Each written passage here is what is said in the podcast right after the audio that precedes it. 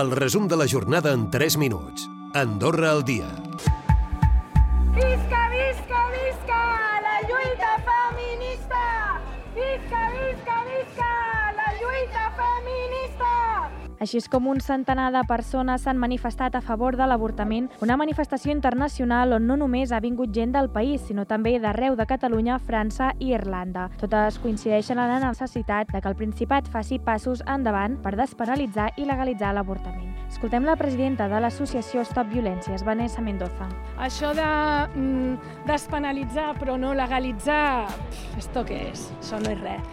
Això vindrà un altre partit polític, el que sigui més conservador i ja està. Hem de ser una mica més valentes, no? Ja seria hora. I el Col·legi de Metges reclama un estudi per saber quins i quants professionals sanitaris realment necessita el país. L'objectiu és fer una cerca acurada de personal per garantir un sistema de salut òptim i equilibrat. Davant la competència ferotge per contractar sanitaris a Europa, el gremi valora incentius que s'inclourien en un pla d'atracció de talent que també permeti fidelitzar-los. Això ho explica el president del Col·legi de Metges, Albert Dorca. Faria falta disposar d'un estudi, d'un- d'un- d'un- d'unes bases del que considerem que hem de tenir aquí. És a dir, quants endocrinòlegs necessitaríem per garantir que anem bé? Quants dermatòlegs necessitaríem? Quants nefròlegs necessitaríem? I seguim parlant de sanitat, a Sant que veu amb esperança que el Ministeri de Salut tingui la intenció de presentar al setembre de l'any vinent un esborrany de la llei de l'oblit oncològic. Recorda que ja fa anys que la demanen, que no és de molta complexitat i en critiquen el retard. Escoltem el president de l'associació, Josep Saràbia. Ja fa més de 7 anys que l'estem demanant eh, i que ja és hora que prenguin mesures, però evidentment considerem que aquest govern va molt lent en la presa de decisions i presa d'estudi.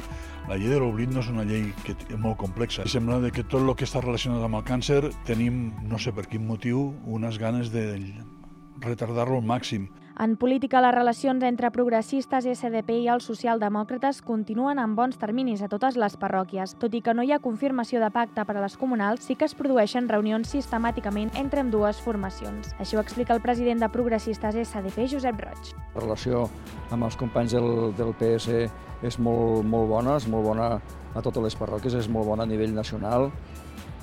La coordinació i el, i el diàleg és molt, molt fluid, cadascú té el seu comitè local, però ara, sobretot de cara a les eleccions, es fan trobades conjuntes per debatre al, al voltant de temes doncs, que, ens, que ens preocupen no? a nivell de les localitats, a nivell de les parròquies.